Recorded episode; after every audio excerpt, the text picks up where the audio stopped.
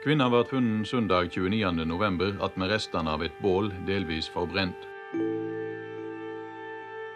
Det er funnet rester av bensin der, og hun hadde tatt en del tabletter.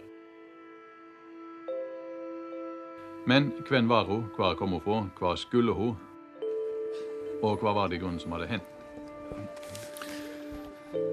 Da er det klart for eh, fjerde episode, og nå er det ganske spennende her i Gåten i Isdalen-redaksjonen. Fordi de har kommet tilbake fra Folkehelseinstituttet med ferske svar på DNA-analysen. Nei, det var sjukt. Hvilke nyheter kommer du med? Jeg kommer rett fra Folkehelseinstituttet. Eh, hvor eh, disse ekspertene der har åpna resultatet av eh, vevsprøvene, DNA-analysen. Og det var sterk kost.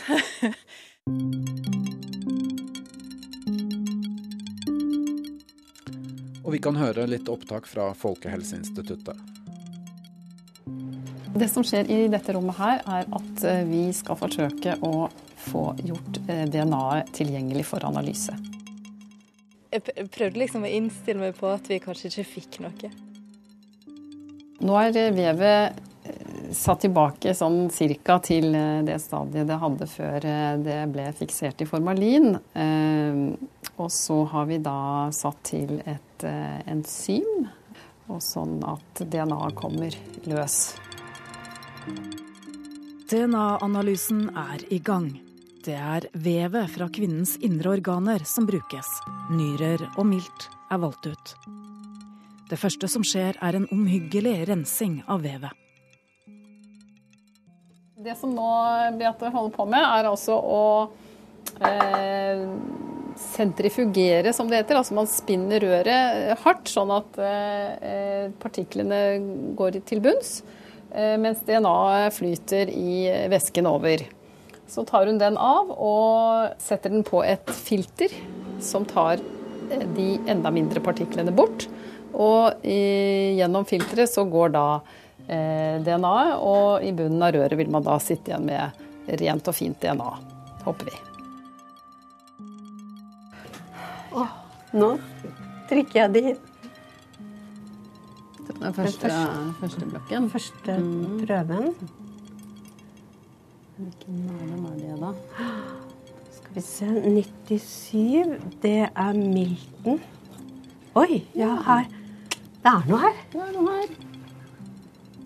Så bra. Det er litt degradert ses i de tyngste mm. fragmentene, men det her er det jo absolutt resultater, ja. ja. Så bra, da. Så flink, du. Ja, takk. Å, så spennende. Å, guri malla. Det er helt fantastisk. Det var et gjennombrudd. Ja, herregud. Du reiser tilbake. ja, nei, jeg har gåsehud. Jeg har hatt gåsehud i en time. Det var så sterkt å stå der. Det var sånn, Da kjente jeg at det ble personlig, nesten. Altså, ja. Oi, se her. Mm. Det er litt mer. Der er det litt mer, ja. ja. Mm. Mm. Kanskje tre-fire markører som ikke vil være med. Dette er veldig ja. bra. Det er kjempebra. Mm. Å, guri meg, det var spennende. Oh, og så skal vi se på mm. nyren. Ja, her er ja, det også resultater. Så fin. Og siden vi får de samme resultatene på begge disse to organene, som jo tross alt er forskjellige steder fra, så er det tyder jo på at det er eh, fra den døde. Mm. Ja, vi kan se på Og ikke en forurensning faller kanskje ut i en to, to, to stykker, to-tre stykker. Og det er tilnærmet en fullverdig profil. Mm. Så dette er veldig bra. Mm. Også at det er en Og at det er en dame, er det dame. også rimelig sikkert. Mm. Det var jo ikke snakk om DNA i 1970. Så hennes DNA-profil fins ikke i registeret. Men for det første så er en mulighet at slektninger av henne kan finnes i registeret av ulike årsaker. En nevø, en, en, en, tante, et eller annet. For det andre så er det det jeg nevnte, at eh, sammen med andre journalistiske og researchmetoder, Hvis vi f.eks. har spor som trekker i en retning, så kan vi eh, få visshet ved en DNA-profil kobla opp mot familie-DNA. Altså, dette sier jo egentlig lite om hvem damen er. Så skal man kunne si noe om det, så må det jo en referanse til. Da må vi sammenligne dette med en uh, som er i slekt med henne. Dette er et godt utgangspunkt. Mm. Og slik det er når vi sender det over til, til uh, registeret. Mm. Ja. Nei, men uh, dette må vi mm. si oss fornøyd med. men vi, vi, kan gå bort til Øyvind, for jeg lurte på om du bare skulle utdype litt dette med, dette med de tannundersøkelsene og det. For det er andre, andre prosesser på gang også. Hva, hva er det med disse tennene som kan gi hvilke svar? Det som er, er at uh, i tennene så kan det finnes spor av hvor hun har vokst opp og hvor hun har levd, eh, der eh, kjemiske spor eh, kan, kan kanskje gi noen nye svar. Sånn at vi får nå beskjed fra Kripos, som jo samarbeider med oss om saken, om at de skal gå i gang med noen kjemiske analyser. Da kan vi høre en liten bit med to fra Kripos. Vi har nå eh, på en måte forhåpninger til DNA-profilen, men eh, sett med mine øyne så vil DNA-profil ikke kunne gi oss all den informasjonen vi kanskje ønsker. I forhold til eh, de tennene som er funnet, så vil jeg anta at vi kan se på de, analysere de og se på isotopanalyse. Ikke for å finne ut nøyaktig hvor hun kommer fra, ikke finne ut hvem hun var, men klare å på en måte tune oss inn på geografisk, hvilket geografisk område hun kan ha kommet fra. Men det betyr ikke at de finner ut. Det er bare sikkert. Nei, og slik jeg ser det, så vil en DNA-profil uansett ikke gi oss konkret verdensdel å lete i. Så dette her er i høyeste grad en, eh, en komplementær undersøkelse i tillegg til, som kan være vel så mye verdt. Det handler jo om at de eh, vil ta ut bitte små prøver av tennene, og så skal de eh, analysere dem og så finne ut en profil av hvordan type type stoffer. Altså for så vil de se på blyforekomst. Så hvis kroppen har tatt opp i seg bitte litt bly, så vil de se hva slags type blyatomer det er. Og det varierer etter hvor man er i verden, og hvor man har vokst opp og hvor man har levd, hvilken type blyatomer man har i kroppen. Faktisk er det jo sånn at de kan komme ganske nært geografisk, altså innsnevre området ganske mye, i aller beste fall, på hvor hun kom fra. Eh, ikke, ikke, bare en del av Europa, men mye, mye snevrere enn det, avgrensning. I beste fall. Dette er ikke noe arbeid som Kripos uh, gjør. Slik at uh, det vi må gjøre nå, er også samarbeide med andre partnere. Jeg tror at Universitetet i Bergen, Universitetet i Oslo og noen som kan litt om folkevandring, altså arkeometri, vil være de som det er mest naturlig å forholde seg i den sammenhengen her.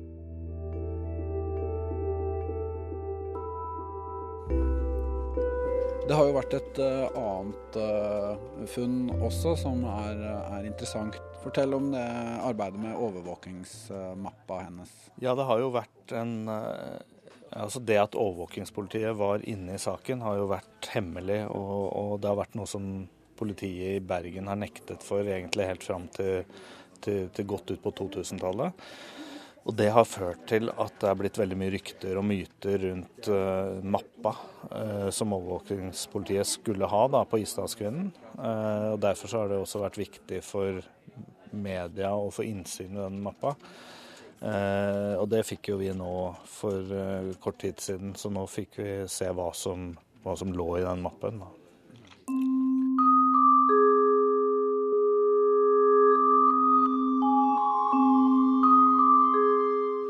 Det var ingenting i mappa som på en måte bygger opp under de påstandene som har vært om at det har foregått eh, et slags sånn skjult spill i kulissene, men eh, det lå flere ting der som var nye i forhold til at hun ble etterforsket for helt konkrete spionasjehendelser i Norge. Kanskje mest overraska over det vi ikke fant i mappa? Eller at den var litt mangelfull, da, syns jeg. Ja, det, var, det var 140 sider eh, i mappa. Det var kanskje 100 av de som var eh, dokumenter som også ligger i politimappa. Så det var veldig få dokumenter som, som hadde, var eksklusive fra POT. Det var det. Det får en jo kanskje til å undre på om vi, om vi har funnet alt materialet i saken. Det er helt klart papirer som mangler, f.eks. noen sentrale vitneavhør og sånne ting som vi veldig gjerne skulle hatt tak i.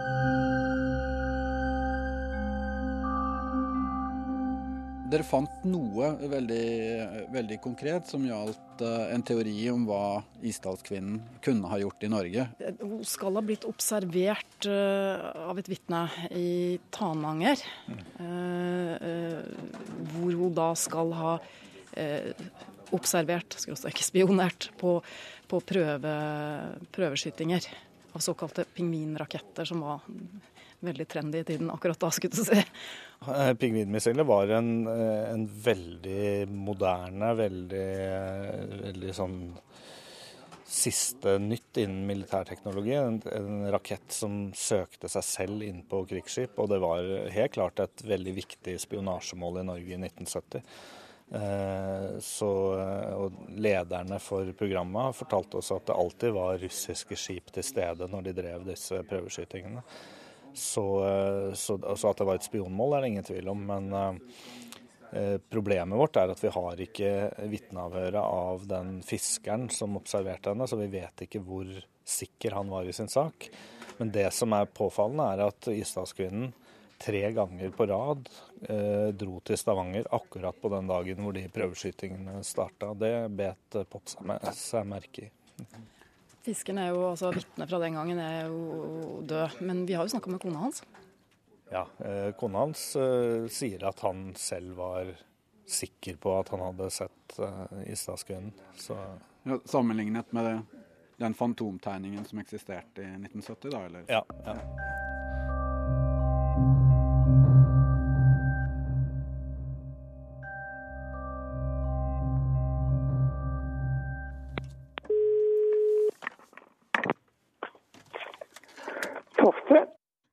Ørnulf Tofte har dere snakket med. Hvem er han? Ørnulf Tofte er en eh, legendarisk spionjeger. Eh, ble en av lederne for kontraetterretningsavdelingen i, i POT. Og jobbet der fra, fra 40-tallet vel, og helt fram til slutten av 80-tallet. Var med å arrestere alle de store norske spionene som Gunvor Galtung Håvik, Arne Treholt, uh, ja. Jeg var vanlig etterforsker på den tiden i i eh, Oslo drev med kontraetterretning og drev med spionasjesaker.